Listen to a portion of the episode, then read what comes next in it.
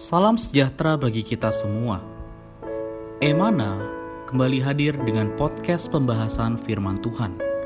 Semoga firman Tuhan yang murni mampu merawat batin kita, menguatkan roh kita, dan membangun iman kita di hadapannya. Silakan menikmati podcast Emana hari ini. Salam damai sejahtera saudara-saudari pendengar podcast Emana. Puji syukur kepada Tuhan, pada hari ini kita dapat kembali lagi menikmati porsi ayat bacaan firman Tuhan. Bersama dengan saya, Saudara Richard, dan juga Saudara Bambang. Halo, Saudara Bambang. Halo, Saudara Richard. Puji Tuhan. Amin. Puji Tuhan. Saudara-saudari, eh, hari ini kita kembali lagi menikmati porsi ayat bacaan di dalam Markus pasal 4 ayat 21 sampai 41. Secara khusus, perikop ini membicarakan mengenai sebuah topik yaitu menaruh pelita di bawah gantang.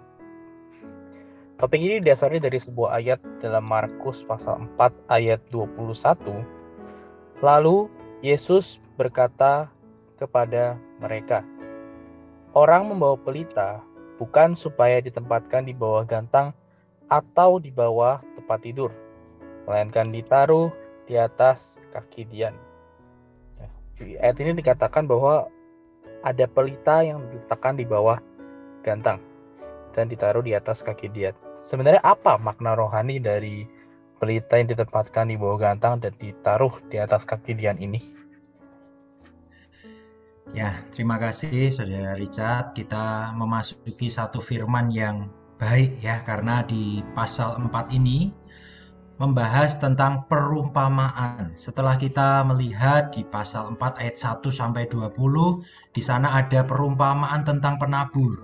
Memasuki ayat 21 di sini perumpamaan tentang pelita. Kemudian juga nanti ada perumpamaan tentang benih di ayat 26 Kemudian ayat 30 perumpamaan tentang biji sesawi. Ya. Nanti terakhir di ayat 35 sampai 41 adalah satu bagian bagaimana Tuhan meredakan angin dan laut.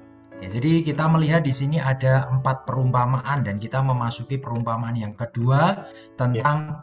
pelita. Ayat 21 mengatakan, mungkinkah Orang membawa pelita supaya ditempatkan di bawah tempayan, satu, atau di bawah tempat tidur. Bukankah supaya ditaruh di atas kaki pelita? Ya, jadi orang membawa pelita bukan supaya ditempatkan di bawah gantang atau di bawah tempat tidur, tetapi supaya ditaruh di atas kaki Dian. Ini adalah satu kondisi yang berbeda, sangat-sangat berbeda. Ya, di bawah gantang berarti mengacu kepada satu tempat yang tertutup. Ya, satu pembatasan. Tetapi satunya ditaruh di atas kaki Dian. Ya, berbicara kaki Dian ini adalah satu tempat untuk menaruh ya satu lilin atau satu obor gitu ya, supaya terangnya bisa lebih menyebar. Ya. Satunya pelita disembunyikan, satunya pelita ditinggikan, pasti berbeda. Jadi, makna rohani dari pelita yang ditempatkan di bawah gantang pastinya adalah pelita yang terbatasi sinar keluarnya. Jadi umat kerajaan sebagai pelita yang bercahaya seharusnya tidak ditutup oleh gantang. Nah, berbicara gantang, kita tahu bahwa gantang itu adalah satu tempat untuk menaruh biji-bijian ya, satu tempat untuk menaruh bahan makanan. Nah, berbicara bahan makanan ini berarti ditutupi oleh kekhawatiran akan hidup, masalah nafkah, masalah makan. Ya. Kadang karena kekhawatiran hidup, maka kita tidak bisa menampilkan ekspresi dari anak-anak Allah. Ya. Bukankah Allah kita adalah Allah alam semesta, Tuhan yang menciptakan segala sesuatu, ya. Tetapi kadang kita lupa bahwa Allah itu Allah yang mencukupkan kebutuhan kita. Karena kita terlalu mencari kebutuhan kita, terlalu terlalu khawatir dengan kondisi hidup kita. cahaya atau pelita yang ditutupi oleh gantang ini ditutupi gantang ini apa selain kekhawatiran? Bisa jadi adalah lingkungan masyarakat hari ini. Pertemanan kita juga mungkin adalah pesta pora. Ya. Hal-hal dunia. Pasti kalau kita di dunia pasti kita akan tertutupi. Ya. Kasih akan dunia ini membuat kita tidak punya kasih terhadap Allah. Ya. Ya, tidak bisa mengikuti perintah Allah. Ya tidak bisa dong saya ya harus khawatir lah.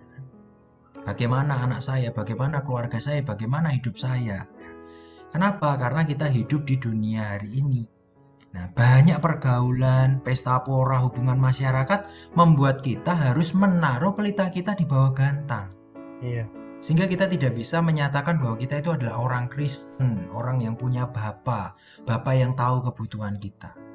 Sehingga kita seperti orang Kristen yang berpura-pura, sepertinya sanggup tetapi khawatir, punya Allah tetapi khawatir. Ya. Ya, ya kita menjadi orang-orang yang ya sepertinya tersenyum di luar tetapi di dalam tertekan. Ya, wajahnya di luar bahagia tetapi di batin ya penuh dengan tekanan, kekhawatiran ya, bahkan penuh dengan tipu muslihat dunia hari ini dan membawa kita terseret dengan dunia hari ini. Ya. ya semoga kondisi kita tidak demikian ya. Kita anak Allah ya harusnya menaruh pelita di atas kaki Dian. Harusnya terang kita memancar. Demikian Saudara Richard. Puji Tuhan ya semoga kita menjadi orang yang senantiasa meletakkan uh, pelita kita ya di atas kaki Dian sehingga dengan demikian terang kita dapat memancar uh, dan bisa menjadi berkat bagi banyak orang. Nah, kemudian pertanyaan selanjutnya adalah bagaimana kita dapat memiliki kehidupan yang seperti pelita ya, yang ditaruh di atas kaki Dian. Ya, kita perlu melihat juga potongan ayat di kitab yang lain yaitu di Matius pasal 5 ayat 15 sampai 16. Ya, di sana juga membahas yang sama bagaimana umat Allah perlu menjadi terang dunia.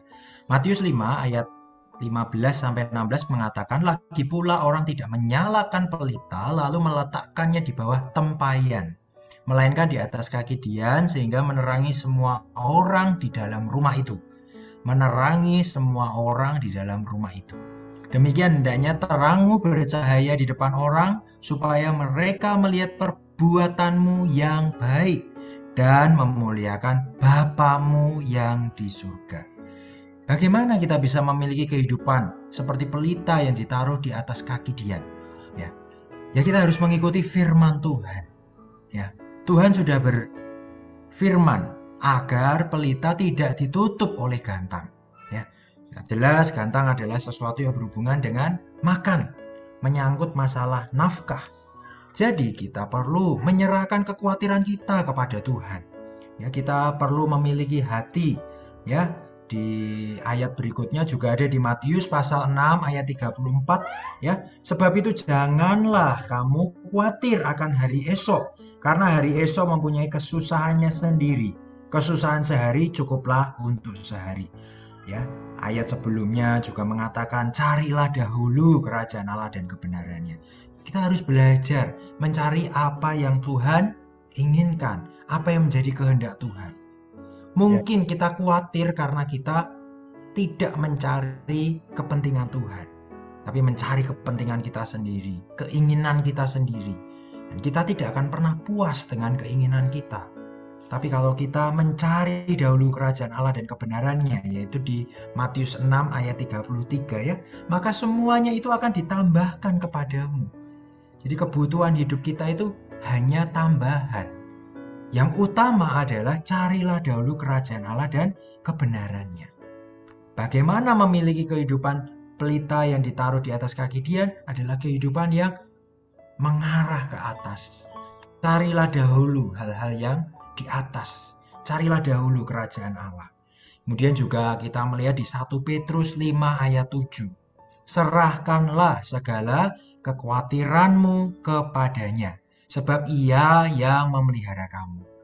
Ya. Kehidupan yang ditaruh di atas kaki dia adalah kehidupan yang diserahkan kepada Tuhan. Ya. Karena kita tahu siapa yang memelihara kita. Ya, tadi dikatakan bahwa supaya mereka melihat perbuatanmu yang baik dan memuliakan Bapamu yang di surga. Di masa pandemi ini masa yang sulit. Ya, dia tetap Bapa kita. Dia tetap menjadi yang memperhatikan kita. Bapa yang tahu apa yang kita butuhkan. Ya, jangan khawatir ya.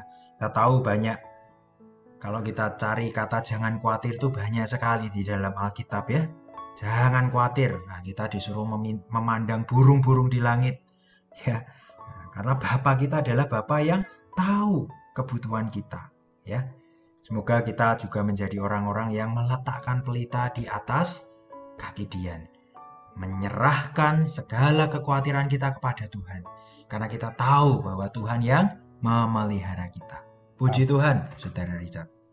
Amin, puji Tuhan. Saudara-saudari, semoga kita menjadi orang yang meletakkan pelita kita di atas kaki Dian meletak menyerahkan segala kekhawatiran kita kepada Allah sehingga dengan demikian yeah. kita dapat ya tidak khawatir lagi di dalam kehidupan kita dan terang kita dapat memancar dan menjadi berkat bagi banyak orang. Baik, sebagai penutup dan kesimpulan, Saudara Bambang dapat memimpin kita di dalam doa. Mari saudara-saudari yang terkasih, pendengar podcast Emana, kita merespon firman ini dengan berdoa. Tuhan, terima kasih untuk firman-Mu. Kau mengingatkan kami bahwa kami adalah anak-anak terang. Kami memiliki pelita yang perlu ditempatkan, ditaruh di atas kaki dia. Ya. Tuhan Yesus, pakai kehidupan kami supaya bisa menjadi terang. Tuhan, kami percaya di atas setiap hal yang Tuhan sudah aturkan di hidup kami adalah untuk membawa kami menjadi ekspresimu, memuliakan Engkau sebagai Bapa kami. Karena itu selamatkan kami dari kekhawatiran dunia hari ini, dari pergaulan buruk, pesta pora, dan hubungan yang tidak tepat di dalam masyarakat. Oh Tuhan Yesus, kami serahkan setiap kekhawatiran kami kepada Tuhan. Kami percaya Engkau lah yang memelihara kami. Tuhan Yesus, biarlah terangmu di atas kami semakin memancar, terangmu semakin bercahaya melalui kami sehingga Engkau juga dimuliakan di atas apa yang kami perbuat. Terima kasih Tuhan Yesus, di dalam namamu kami berdoa. Amin. Amin, puji Tuhan. Terima kasih saudara Bapak atas sharingnya hari ini. Ya. Tuhan Yesus. Amin.